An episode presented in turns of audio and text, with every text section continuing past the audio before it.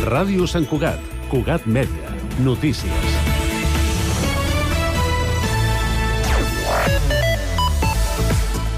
Bona tarda. L'Ajuntament crearà una comissió de treball per establir un pla d'acció i inversió per preveure les necessitats de les escoles bressol a mig termini en funció de la disposició econòmica i de les demandes del servei.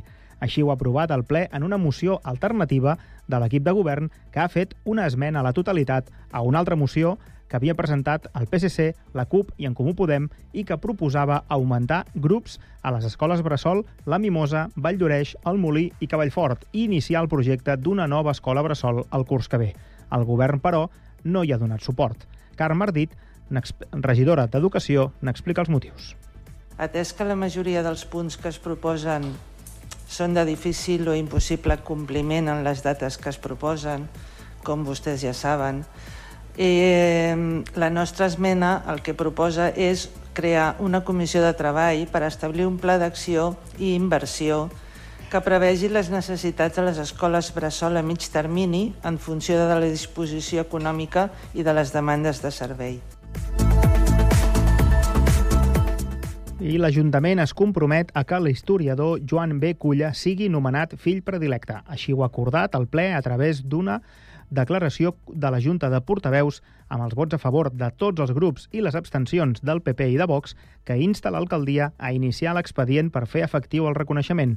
Tot plegat es materialitzarà properament en un ple extraordinari.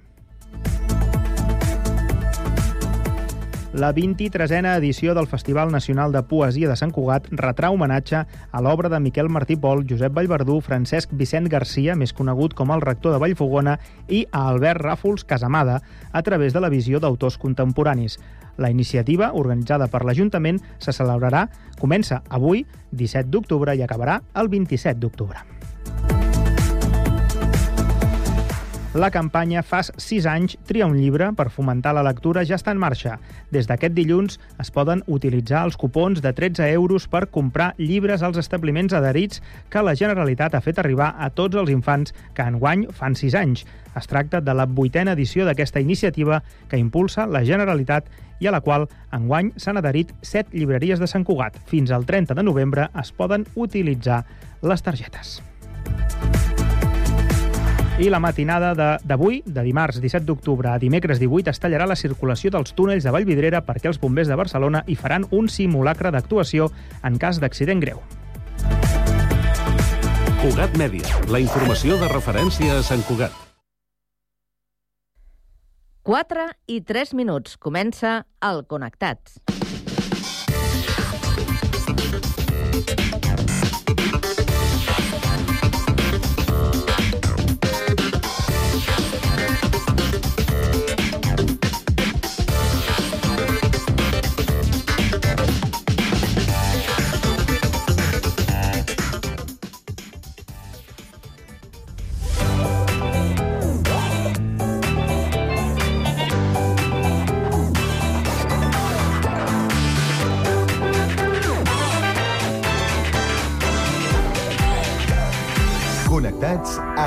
Amb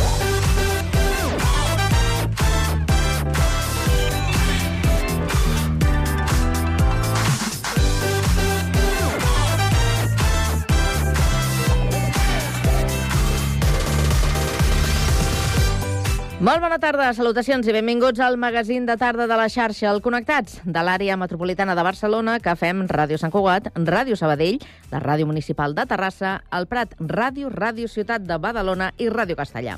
Una salutació de tot l'equip conduït a la part tècnica per Pablo Palenzuela, Jessica Rius a la producció i de qui us parla, Carme Reverte. Avui és dimarts, 17 d'octubre, i volem saber quin temps ens espera aquesta tarda. Lluís Mi Pérez. Ha començat el dimarts amb molts núvols, amb boira i tot, sobretot a les comarques interiors i del prelitoral, però aquestes nuvolades s'estan trencant per moments. Al llarg del que queda d'aquest dimarts, núvols una mica més gruixuts i de casa a les comarques lleidatanes, especialment les del Pirineu, també a Tarragona, però núvols molt esfilagarçats a la Costa Brava. Allà més vent de garbí que farà pujar força la temperatura.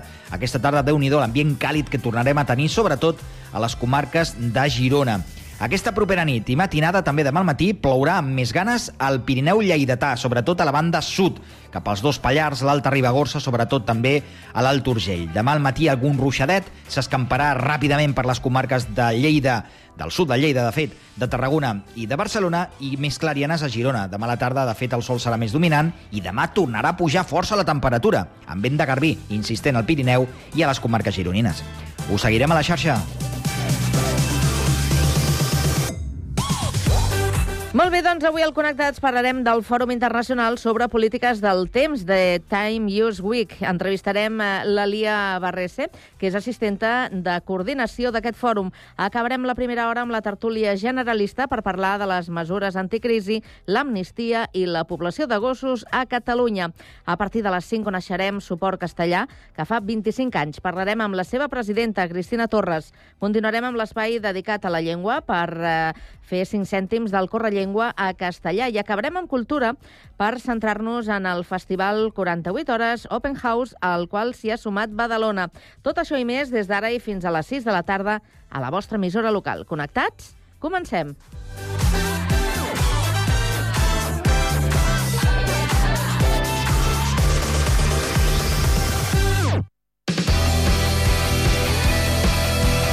A la tarda, no et desconnectis.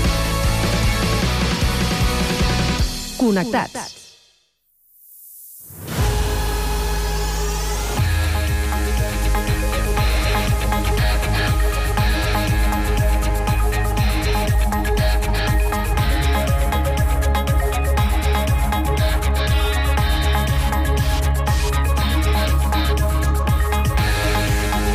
I a les 4 i 6 minuts ens actualitzem i ho fem amb la ronda d'actualitat, que avui també obrirem per Terrassa. Sergi Estapé, bona tarda.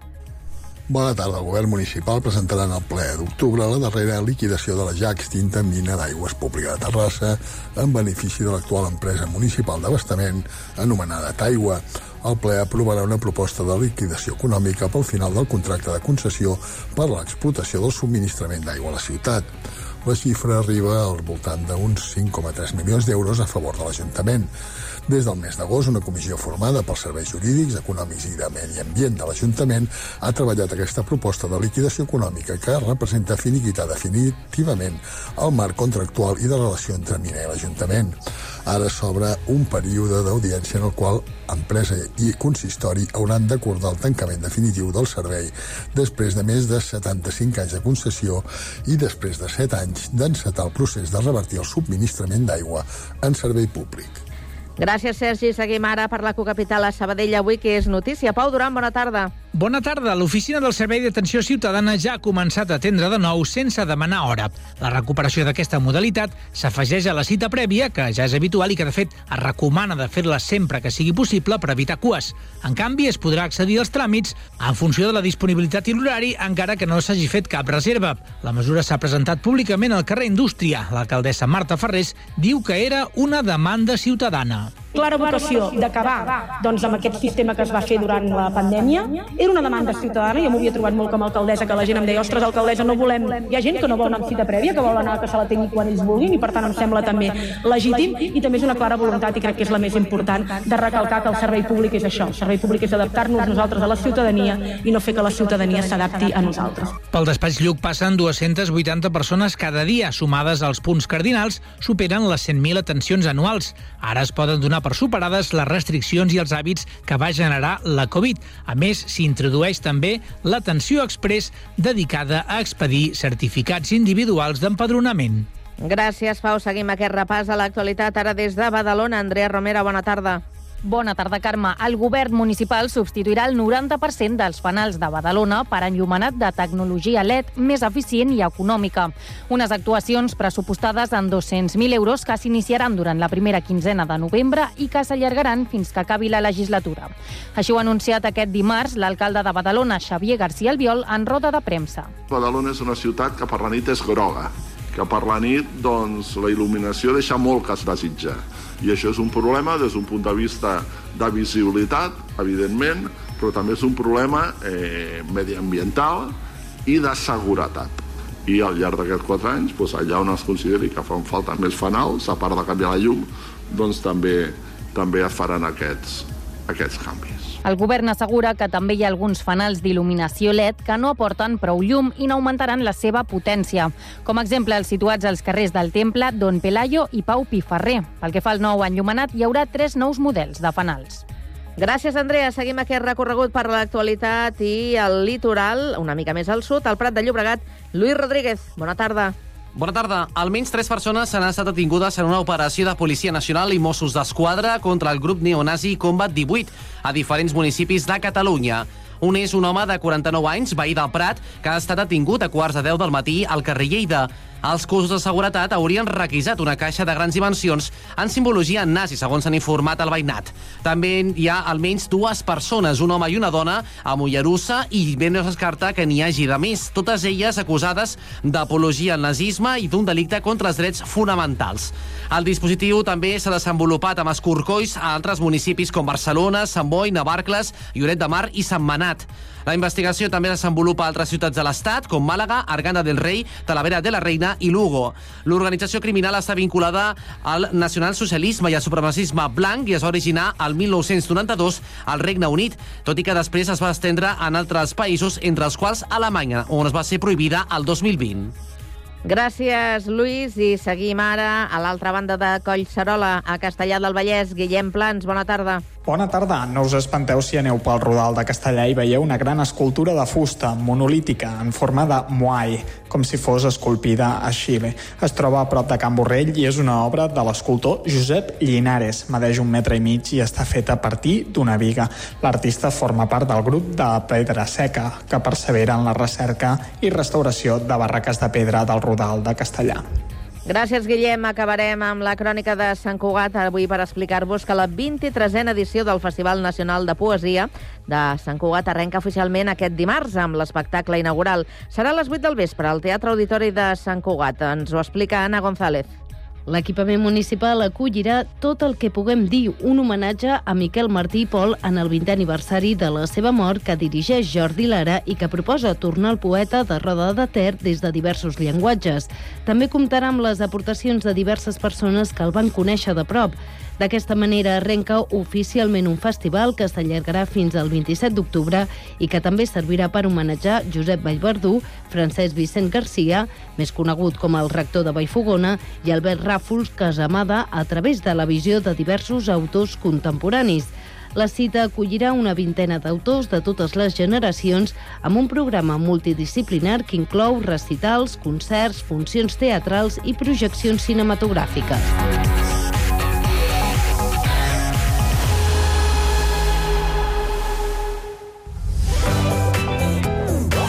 Connectats. Una experiència radiofònica a Sabadell. Ràdio Sabadell, 94.6. Terrassa. Ràdio Municipal de Terrassa, 95.2. Sant Cugat. Ràdio Sant Cugat, 91.5. El Prat. El Prat Ràdio, 91.6. Castellà. Ràdio Castellà, 90.1. I Badalona. Ràdio Ciutat de Badalona, 94.4. Cada tarda de 4 a 6, connectats.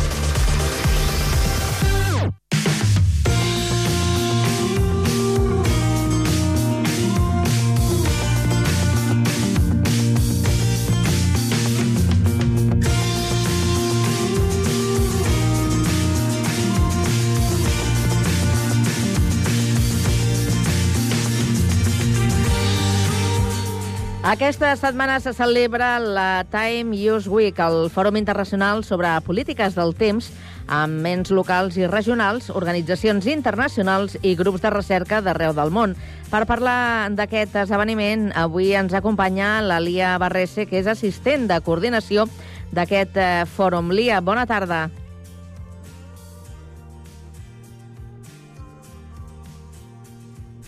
Lia, bona tarda. Bé, doncs no tenim a punt aquesta trucada. De seguida eh, contactarem amb la persona que ens explicarà doncs, algunes qüestions eh, remarcables d'aquesta que mm, crec recordar que és la desena edició del Time Use eh, Week, aquest eh, fòrum on es debat sobre el dret a disposar de, de temps que tenim eh, les eh, persones. Però tot plegat, com vivim en societat, doncs s'ha de gestionar. I aquí hi ha diferents actors eh, implicats. Per tant, eh, a través d'aquests eh, fòrums, doncs sorgeixen iniciatives, eh, propostes i es debat eh, sobre aquesta possibilitat. Veurem exactament en què se centra aquesta desena edició. Ens ho explicarà d'aquí uns instants eh, la Lia Barrese, que, com us dèiem, és assistent de coordinació i ens eh, detallarà una mica com eh, està funcionant eh, tot plegat i exactament doncs, eh, què és el que s'està debatent aquests, eh, aquests eh, dies. Bé, doncs, eh, a veure si és possible eh, aquesta comunicació amb la nostra convidada per un tema que, d'altra banda, eh, és prou important, prou interessant i que ens podria portar a parlar de temes com, per exemple, el, teletreba, el teletreball, la setmana laboral de quatre dies, algunes eh, polítiques que, que es fan en eh, països eh, europeus, com, per exemple, la- l'acollida d'infants, que és eh, obligatòria a països com eh, Suècia, eh, per exemple, doncs eh, veurem exactament què és eh, el que es proposa, què és el que s'està fent, és a dir, en quin punt ens trobem eh, ara, ara mateix. I tot això eh, li intentarem traslladar i li preguntarem a la Lia Barrese, que ara sí, ja la tenim eh, disponible i la tenim en línia. Lia, bona tarda. Bona tarda. Escolta, enguany el és la desena edició, si no m'equivoco, no? Exacte, sí, sí, sí. Uh, Explica'ns, el títol d'aquesta edició és Per un nou equilibri del, del temps. Explica'ns quin és uh, l'objectiu, quina, quina resposta busqueu darrere d'aquest interrogant? Bé, molt, molt bé. Bueno, la Time Youth Week, eh, perquè ho sapigueu vosaltres, és el principal esdeveniment inter internacional dedicat a promoure el coneixement de les bones pràctiques per les polítiques del temps. Eh, enguany agafa el títol de Cap un nou equilibri del temps, defensant aquest model eh, que inclogui també les cures com part fonamental de l'organització social del temps eh, i com una eh, manera també de fer pos possible eh, tant des de la política pública com des de l'àmbit privat.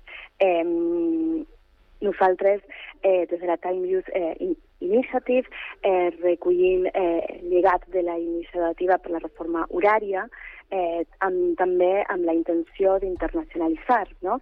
aquest eh, dret al temps per tota una ciutadania eh, en l'àmbit eh, local, eh, a Barcelona, a Catalunya i a tot el, i a tot el món. Mm. Eh, Sí, sí, no, con, pots continuar, eh? Sí, no sé si t'he ah, tallat. perfecte. Sí, sí, sí, no, perfecte, perfecte. Bueno, nosaltres eh, enguany estem celebrant, com tu bé has dit, el, el dècim any eh, d'aquest esdeveniment eh, i tenim eh, moltes coses eh, a l'agenda. Eh, de fet, eh, ahir eh, vam començar amb la primera eh, trobada de la xarxa catalana per al dret al temps, Mm. amb més de 100 organitzacions de tot Catalunya, eh, on vam poder compartir eh, avan- avançar eh, en el, en, en el tema del dret al temps del tot eh, eh, el país.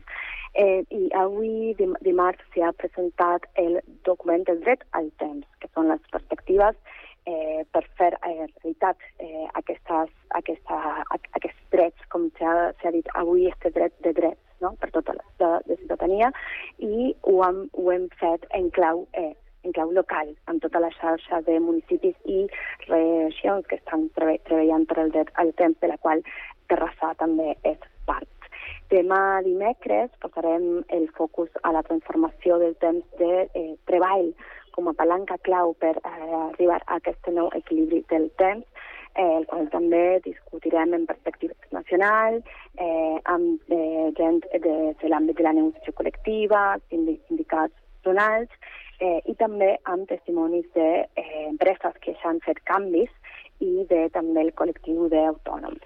Eh, I la setmana central és eh, aquesta, del 16 al 20 d'octubre, però també eh, s'hi a- s'hi allarga amb altres actes en la setmana eh, següent. De fet, El 30 d'octubre organitzem eh, juntament amb l'Ajuntament de Terrassa una eh, xerrada titulada Polítiques del temps i ciutats sostenibles i saludables. Mm -hmm. I us, us, us convido, eh, claro, a que participeu. Mm -hmm. Lia, eh, t'explico i contextualitzo que segurament, clar, això és un tema que ens interessa a tots, ens interessa, ho dic perquè l'audiència del programa és Terrassa, Sabadell, Castellà, Sant Cugat, Badalona i, i, el, i el Prat, i per tant tot el que ens expliquis eh, interessarà a, a, la, a, a un públic en general. Eh, per situar-nos ara mateix, eh, mm, en quin moment diries que, que, ens, que ens trobem? Es, estem en, en un equilibri que cal ajustar d'aquí aquest eh, eh, títol del fòrum de- d'enguany, un nou equilibri que s'ha que s'ha de trobar. Eh, i, i es, està realment desequilibrat aquest dret que tenim al temps i que mm, mm, sembla que millor no, no, no disposem? Exactament en quin punt està tot això? Exacte, exacte. Eh, bueno, molt bé, el nostre argument justament és eh, aquest, no? Nosaltres estem treballant per anar cap a un nou equilibri perquè pensem que el eh, model que tenim ara, el model d'organització del temps ac actual, basat en aquest triangle de les 8 hores, no? 8 hores per eh, el treball, 8 hores per l'oci, 8 hores per el descans, ja no serveix més per al segle XXI. És un eh, model que ha quedat desactuali- desactualitzat. I justament eh, les polítiques del temps són la clau per eh, actuali actualitzar-lo eh, cap a un nou equilibri on les cures formin part d'aquest esquema, redistribuint una mica les hores entre el treball remunerat, el descans, l'oci i les cures. I fent també corres corresponsable no? a tots els grups eh, socials, als homes, a les dones, als petits, als grans, i cobrint totes les nece- necessitats que tenim com, eh, eh, com a societat en aquests quatre àmbits. Mm. I diries, com veieu la predisposició eh, que hi ha eh, entre els diferents actors? És a dir, el, el ciutadà de peu, l'empresa, l'administració... Està clar que el, el treballador mm, tindria molt clar, molt, molt clar que té aquest dret a, al, al, al temps, no? aquest equilibri de, del, del seu temps. Però també estan eh, en sintonia les administracions i, i les empreses pensant en un futur, perquè ara mateix no crec que, que estigui la cosa eh, tan equilibrada. Eh, I tant. eh, crec que sí, que és així. A veure, justament en aquesta eh, trobada eh, avui i, i demà el que nosaltres volem és posar el focus i la discussió damunt de la taula en tots els sectors diferents eh, que com, conformen tant l'àmbit de recerca com l'àmbit de eh, eh, com l'àmbit del sector privat i el sector públic. Eh, nosaltres pensem que totes les persones i totes les organitzacions poden contribuir a eh, lograr aquest nou eh, equilibri. I totes les feines, per fer-ho realitat, de fet, dependen de cadascun de nosaltres i dels eh, territoris i, i del que pode, podem fer per, a, per, a, per a això.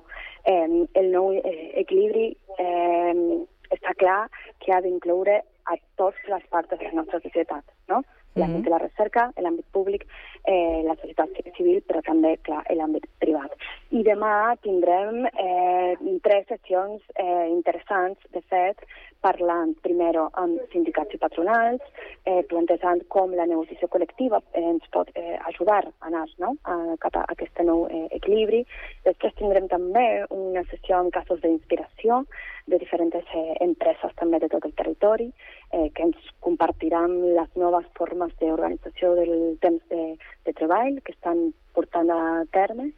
Eh, I finalment també tindrem alguna sessió eh, amb el col·lectiu d'autònoms, que també és un col·lectiu que pateix molt no? tot Mm. mm. aquest tema de la desorganització del temps d'horaris eh, i de, i de aquesta barreja tan gran entre el temps de treball i el temps de, de, per viure. Mm -hmm. Veieu que eh, es pot aconseguir eh, aquest dret a, al temps, es pot arribar a, a aconseguir en un futur aquest equilibri que ara esteu plantejant? Eh, Bueno, això és una pregunta eh, molt, molt clau. Eh, nosaltres el que estem veient és, és el fet que el temps eh, està pujant a l'agenda pública.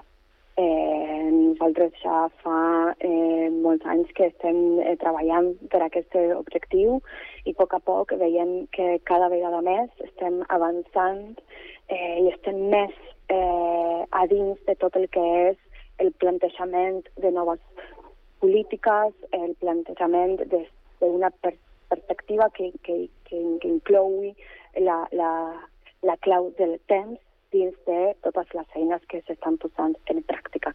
De fet, tenim moltes, eh, moltes exemples a tot el territori que parlen d'això, també tenim la xarxa catalana per al dret al temps, eh, també tenim el pacte metropolità per al dret al, al, al temps, eh, que, que ho està eh, posant a la pràctica eh, l'àrea metropolitana de Barcelona, en l'àmbit de la eh, ciutat tenim en, en força també la xarxa NUST, que són una xarxa d'empreses que, que tenen el tema del temps posat també eh, en el centre de, la, del seu, de, de, la, de les seves prioritats.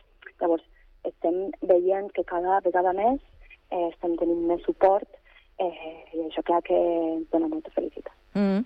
Abans explicava que hi ha eh, aplicacions que, que s'estan eh, duent a terme, eh, com per exemple el teletreball, la setmana laboral de, de quatre dies, algunes polítiques que s'implanten en eh, països eh, europeus, com per exemple l'acollida d'infants a, a Suècia. Eh, totes aquestes serien mesures que eh, contribuirien, no? que ajudarien, i el que busqueu és implementar, doncs, mm, a part d'algunes mm, lleis d'entrar de, de, en sintonia perquè afavoreixi a que efectivament doncs, els ciutadans acabin disposant de, de més temps, no?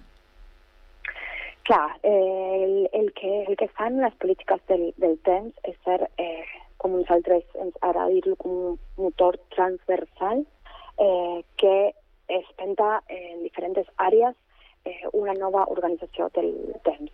Eh, això és en l'àmbit laboral, eh, com, eh, com, el que has, com el que has dit, és exemples de eh, medides de reorganització del temps de, de treball, de flexibilització, de, de, de, de, de teletreball, etc etc. Però també en l'àmbit del gènere, nosaltres eh, pensem que és molt important empezar a tindre un eh, model més equilibrat del temps que se dedica a les cures tant per dones com per homes i això des de la política pública mm, es pot tradu traduir en eh, llicències eh, igualitàries que fomenten una corresponsabilitat igualitària entre homes i dones en l'àmbit de la paternitat i la maternitat, però també eh, està connectat en, amb l'àmbit de la mobilitat i la sostenibilitat, amb tot això del de, consum pròxim, de tindre totes les necessitats bàsiques satisfetes en un radi eh, proper. No? Llavors tenim diferents àmbits en el que estem eh, involucrats com política del temps. Tot això eh, intentant contribuir i avançar cap a societats bàsicament més saludables, sostenibles, igualitàries i eficients. Mm -hmm. Abans parlàvem dels actors no? i d'una mica quin és l'interès de cadascun d'ells. Si parlem de, de, de governs, si parlem de, de països, hi ha governs i països que hi creuen més que altres? O que ho posen més en pràctica que altres? Mm, es pot dir que sí, perquè també eh, si fem com una mica de recorregut històric, eh, tot aquest tema de les polítiques del temps, eh, podem recollir ahir iniciatives tant a Itàlia, en la dècada de 1990, i a França també, eh, hi ha iniciatives i eh, projectes sobre, sobretot de posar dins dels de governs i dels territoris regionals oficines eh, sobre el tòpic del temps Eh, llavors, ahir tenim no, com, un, com un niu inicial de, de, de, de tot, el que ha, el, tot el que ens ha portat a nosaltres també eh, a, amb, amb aquest tema. Ara mateix nosaltres, eh, com som aquí a Barcelona i també perquè tenim eh, tot el suport tant de la Sanitat de, Cata de Catalunya com de l'Ajuntament de Barcelona, de l'àrea metropolitana i de la Diputació, estem posicionant també el eh, territori català com un principal exponent de les polítiques del temps. Mm. Eh, I també amb aquesta xarxa del govern i municipis eh, locals eh, europeus i també ara eh, en guany hem estat intentant entrar al territori latinoamericà on també podem trobar diferents eh, exemples de polítiques també relacionades amb el tema del, del dret al temps en l'àmbit latinoamericà, sobretot relacionat eh, amb el tema de cures, és que podem veure que eh, també estem eh, guanyant suport internacional eh, en, en diversos àmbits i, i regions. Eh, Lia, quan acabeu el fòrum? Molt bé, demà tindrem l'últim dia, com he dit eh, abans, ens estarem eh, ficant en el tema del temps de treball, amb totes aquestes seccions eh, que hem comentat, que hem comentat, eh, però també tindrem diferents eh, actes la setmana següent i, i, i de nou us, us, us convido el 30 d'octubre a trobar-nos en la sessió eh, que hi serà l'Ajuntament eh, de Terrassa, no, no hi serà l'Ajuntament, crec que serà el Teatre Municipal. Mm. Ara, eh, però si voleu tindre més informació podeu trobar tot eh, això a la nostra pàgina timeuse.barcelona i ahí tindreu tota la programació dels, dels dies eh, següents i de, i de demà també, que si voleu i us animeu eh, hi serem aquí, al Paranís de l'Escola Industrial a Barcelona. Molt bé, Lia Barrés, assistent de coordinació de la Time Use Week. Eh, moltíssimes gràcies per passar pel Connectats. I estarem molt, molt atents a les conclusions, a les idees i a les aportacions que pugui generar tot aquest eh, debat. Gràcies i bona tarda. A vosaltres.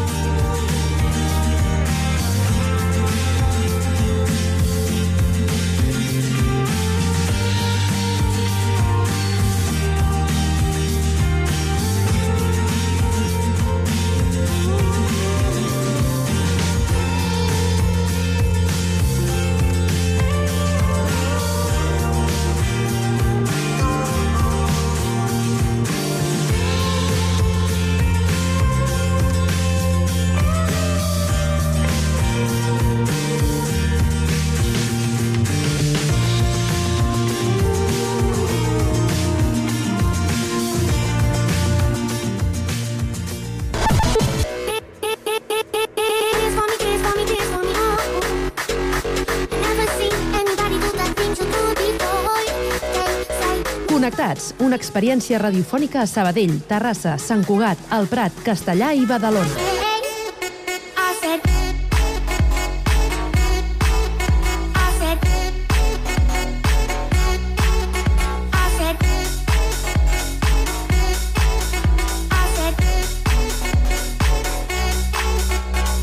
Connectats amb Carme Reverte.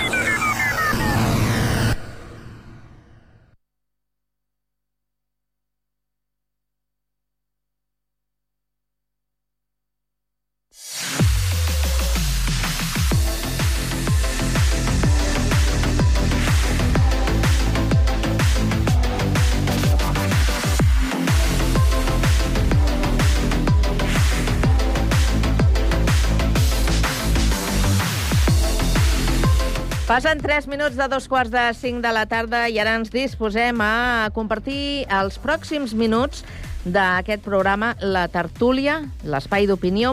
Avui amb l'Enric Garí, que és president del Gremi de Constructors d'Obres, i el tenim a Badalona. Enric, bona tarda. Molt bona tarda a tothom. Com estàs? Bé, si Bé. no entrem en detalls, bé. Ah, molt bé. Doncs anar tirant, no? Que diuen també? O sigui que bé. Sí, però tirant, tirant poc, eh? Tirant. Ja poc. recollim tot el que podem. ja, ja, ja. Més aviat recollit. Tal, tal com està el patio, Sí, sí, sí, sí, sí, sí. Mira, anem a Sabadell, perquè ens espera l'Ester Amiel, que és artista i activista. Esther, bona tarda. Hola, bona tarda. També per no, per no anar tirant, no? Sí. Xino sí. Chano. De mica en anar mica. fent, anar fent, sí. Mm. Dies una mica convulsos amb tota la amb totes les notícies internacionals. Sí, sí, és que miris cap a on miris, eh, és per tapar-se els, és per bé. tapar-se els Sí. ulls, eh? I, I tampoc no podem fer perquè no, no podem negar la, la realitat. Però vaja, eh, sí, sí, el panorama és fantàstic. Lluïsa, eh, Lluïsa Espín, directora de Fundació Vina de Sant Cugat, què tal? Bona tarda. com estàs? Bé, bé, bé, molt bé. Sí? Anar recollint. Anar recollint. El que els altres tiren. mira, sí, sí, és que està, està la cosa... Doncs mira, parlant de, de, de llançar i de recollir, vosaltres us en recordeu, no?, de totes aquelles mesures anticrisi que va decretar el eh, govern per ajudar la ciutadania a través de la retallada de, de divas, de subvencions a la, a la benzina, de... Bueno, totes aquestes mesures que recordeu, eh? era un paquet eh, anti, anticrisi, que ara mateix, tal com està el panorama, com que mm, està en funcions el govern i tampoc no poden fer allò feina important, perquè tot el que fan és eh, ordinari, és el, el dia a dia, podríem dir, doncs eh, no, no saben si caldrà prorrogar i allargar encara aquestes eh, mesures eh, o, o no.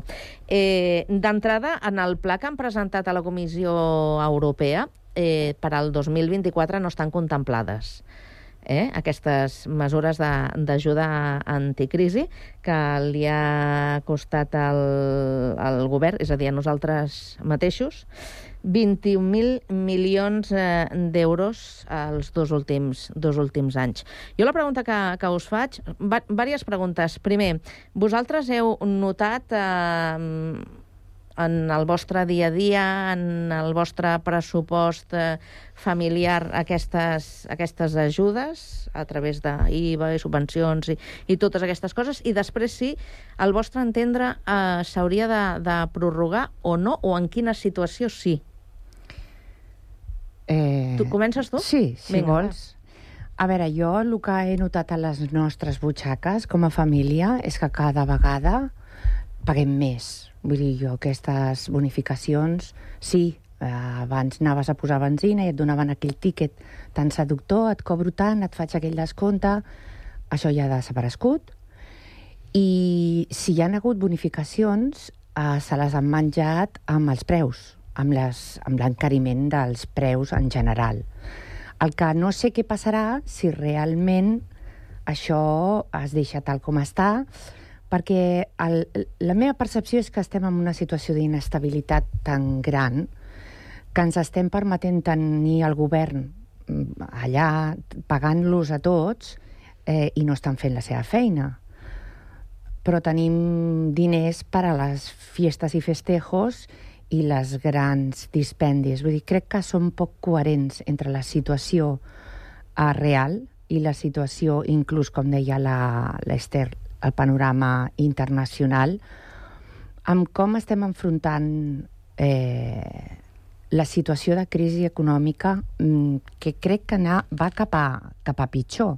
Perquè llegint la notícia que ens has passat, que eh, Europa estava dient que s'haurien de mantenir aquests ajuts només a les llars més vulnerables. El problema és que cada vegada hi ha més llars vulnerables i si traiem aquests ajuts hi haurà una, un gran percentatge de llars que passaran al llindar de la vulnerabilitat. I això no sé fins quan és sostenible. Vinga, més, més opinions. Esther, Uh, bueno, jo, jo no ho he notat, ni ho ha notat la gent del meu voltant, això que dèieu de la, dels ajuts i tal. El que sí sabem aquí, aquí a Sabadell en concret, ara de cara al 2024 ens pugen les taxes de residus i de, no sé, què més, de l'IBI, totes les taxes aquestes de l'Ajuntament ens pugen sí. un 15%, al tanto, eh? sí. mm, ens pugen un 15% i l'aigua un 30%. Llavors, el que sí estem veient, almenys aquí, el, que, el, el més proper que jo tinc, és que uh, hi haurà famílies que no podran assumir-ho, perquè ara ja ens costa. O sigui, quan ens ve... Hi ha moltes famílies que, que tenim la, les taxes de residus, per exemple, en tres mesos parciades perquè no podem assumir el cost d'una vegada, ja només falta que ens ho pugin això un 15% i un 30% a l'aigua. I una Mm. cosa que no han fet, que a- aquí almenys abans ho teníem com separat, no? Conforme tens més renta, més pagues, si tens menys renta, pagues menys.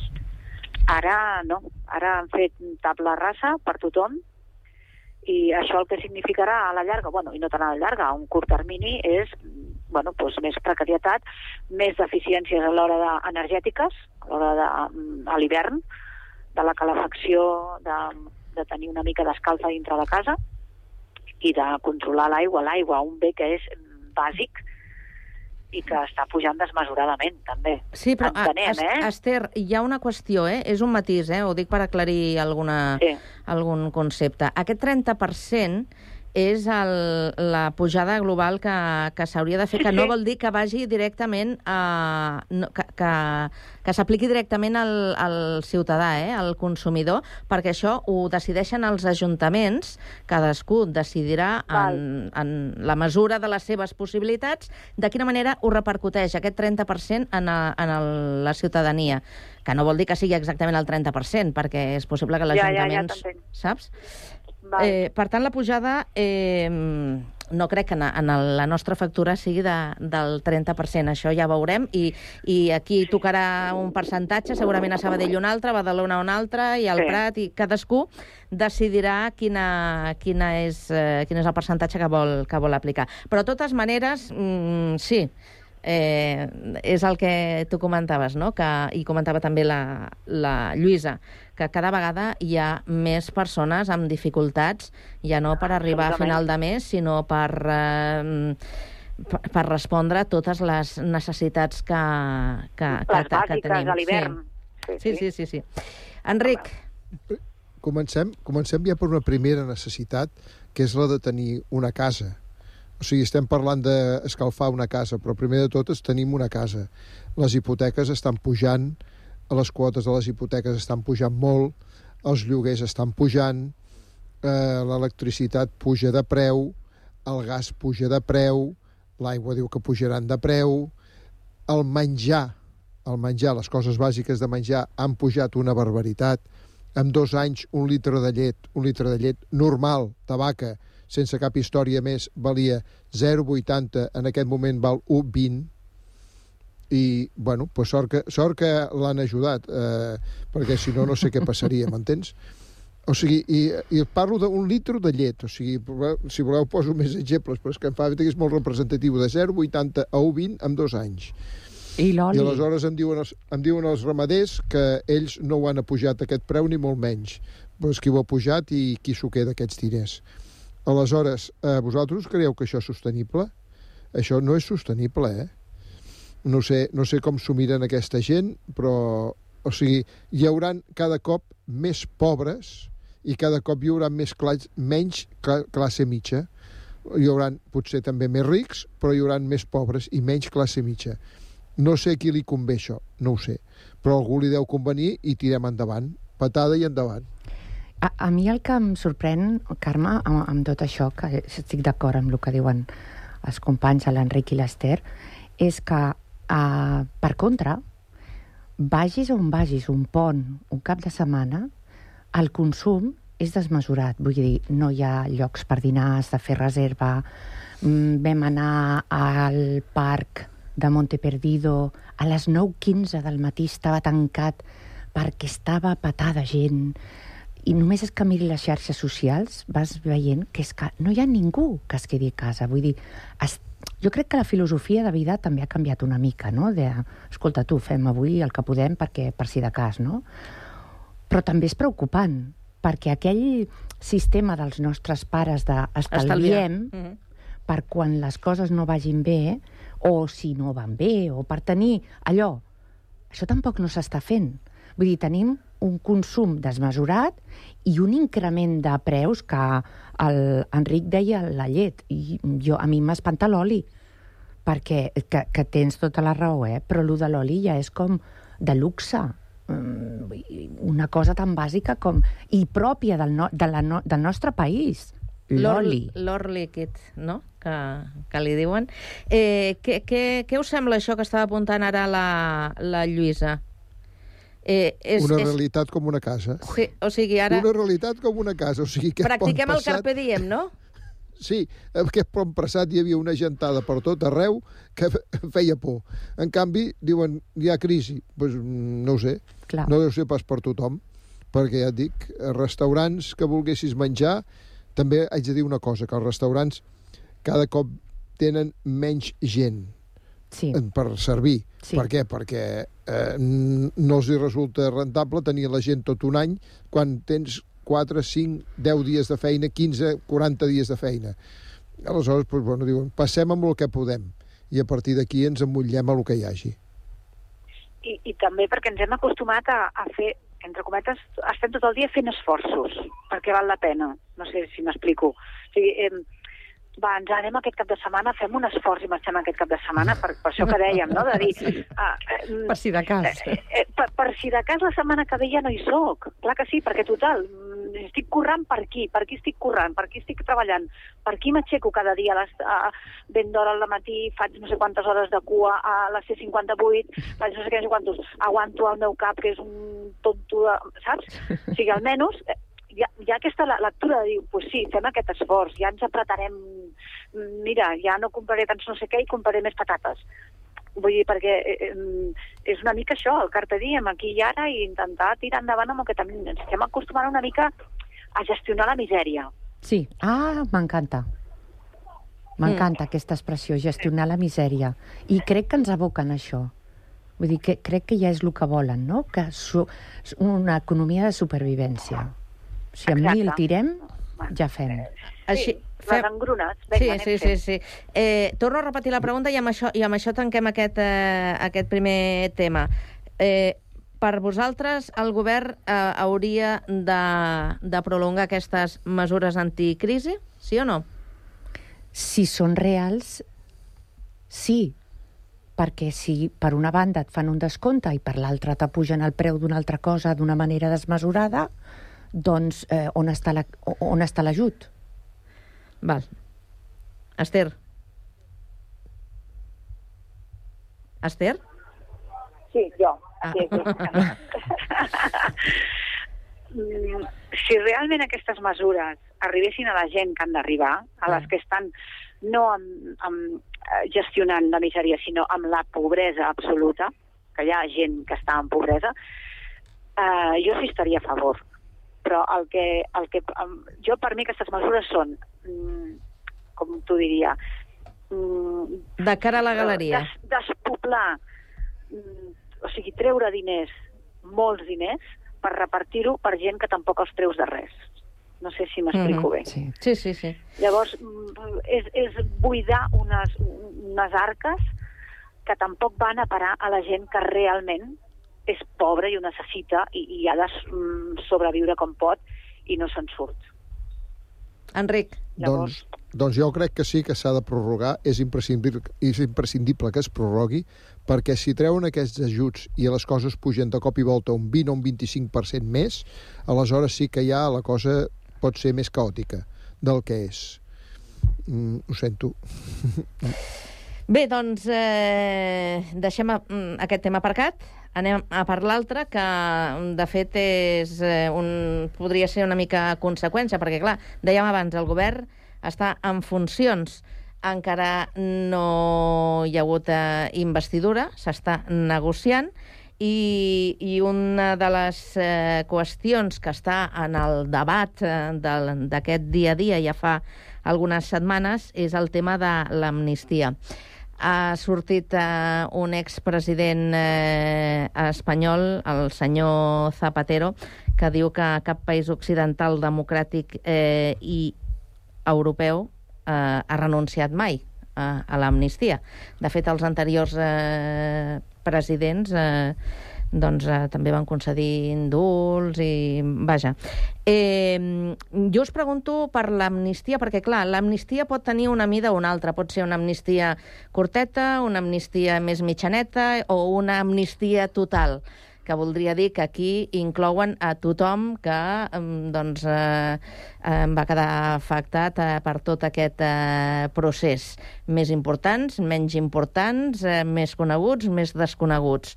Eh, us pregunto per, per aquesta mesura.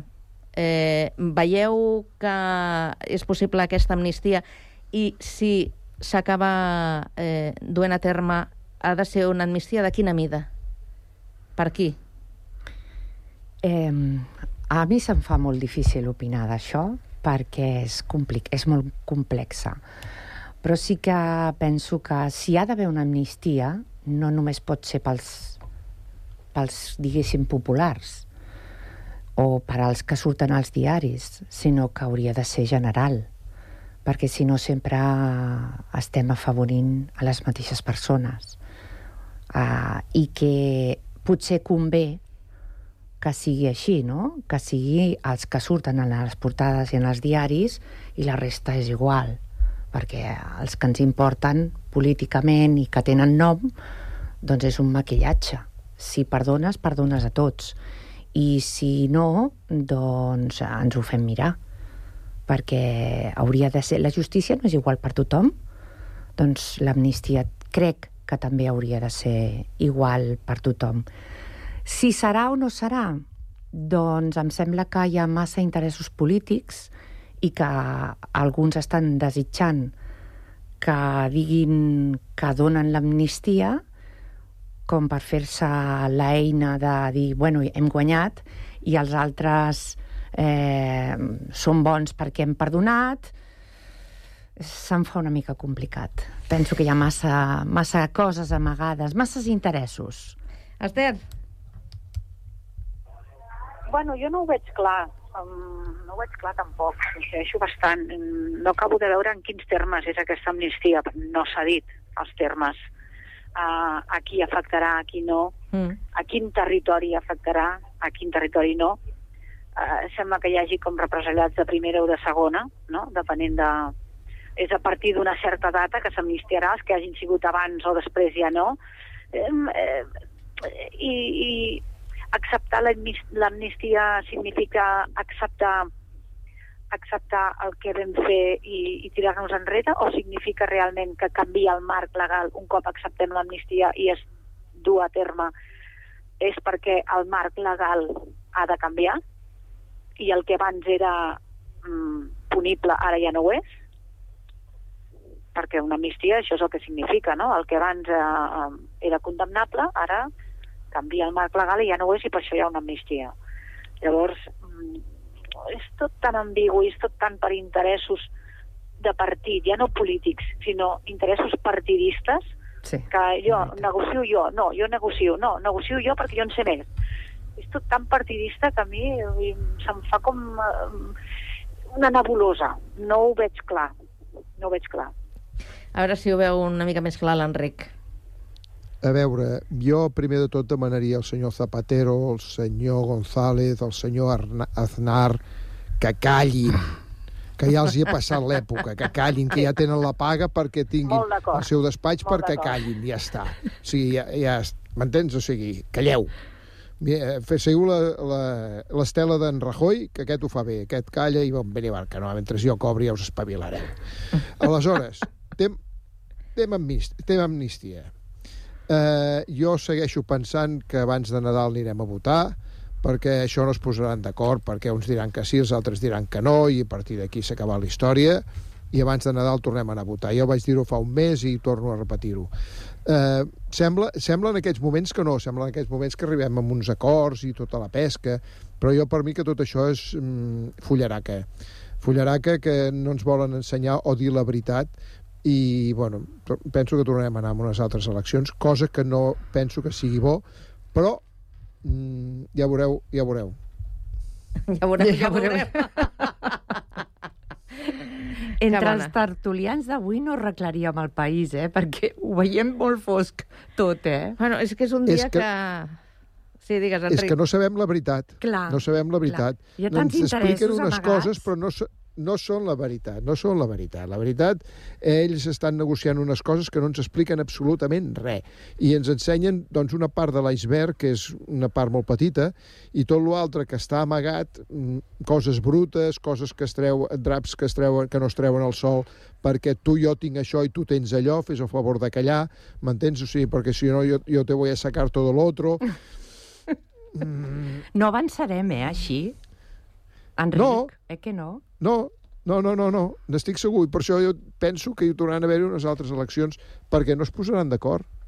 Sí, però tornarem a estar si fa o no fa, eh?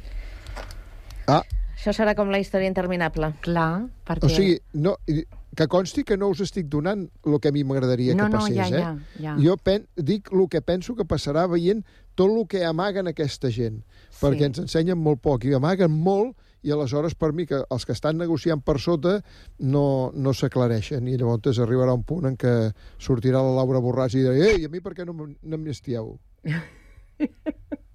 Sí, sí, això serà una guerra d'aquí, de, a més d'egos i de protagonismes, perquè, eh, bueno, a veure qui, qui, Qui qui és el primer que tira va de la, de la manta. Deixeu-me que us faci una Sí. última pregunta molt, molt ràpida. Eh, és una, re, una anècdota, el que també us he, us he passat, que és una curiositat, perquè resulta que Catalunya té més gossos que nens, ara. I és, i és una de les comunitats on, on hi ha menys. Algú té una resposta a això? El tema gats no l'han estudiat?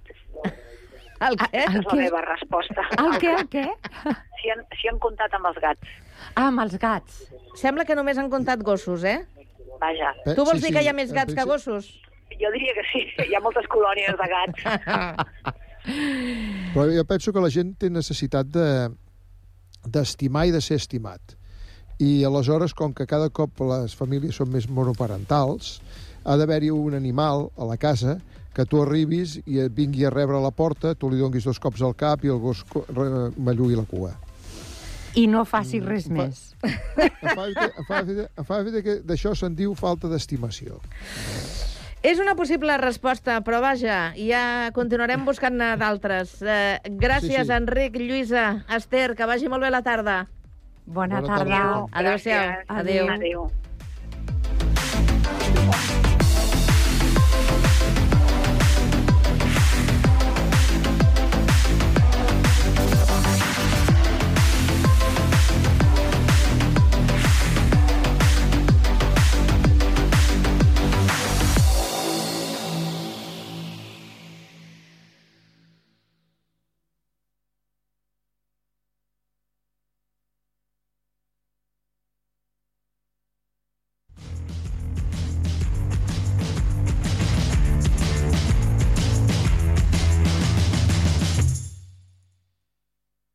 és el mateix ser els integrants del millor grup de la història que ser el millor grup de la història.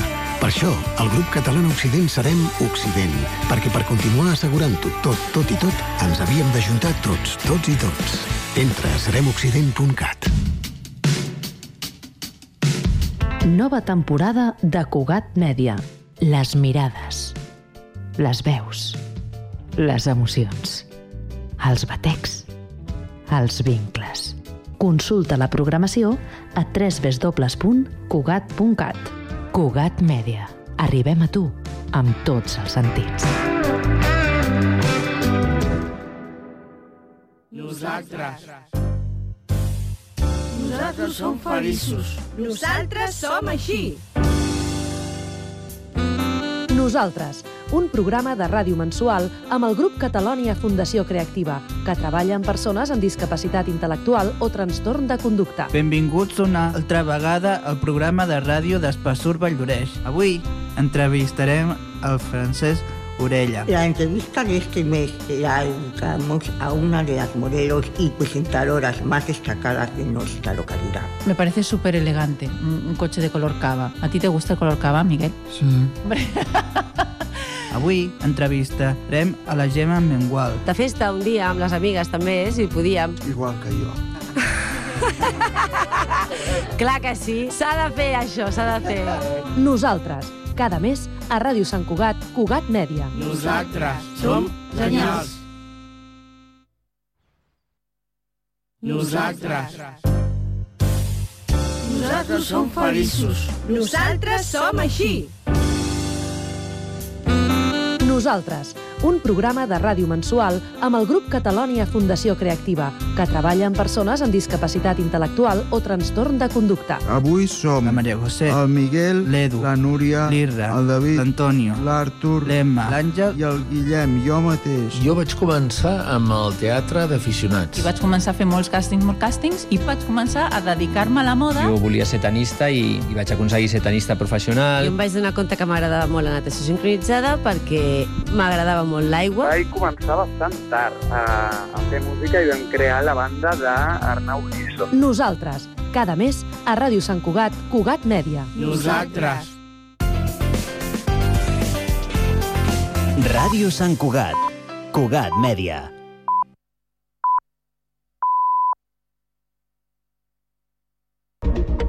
Notícies en xarxa.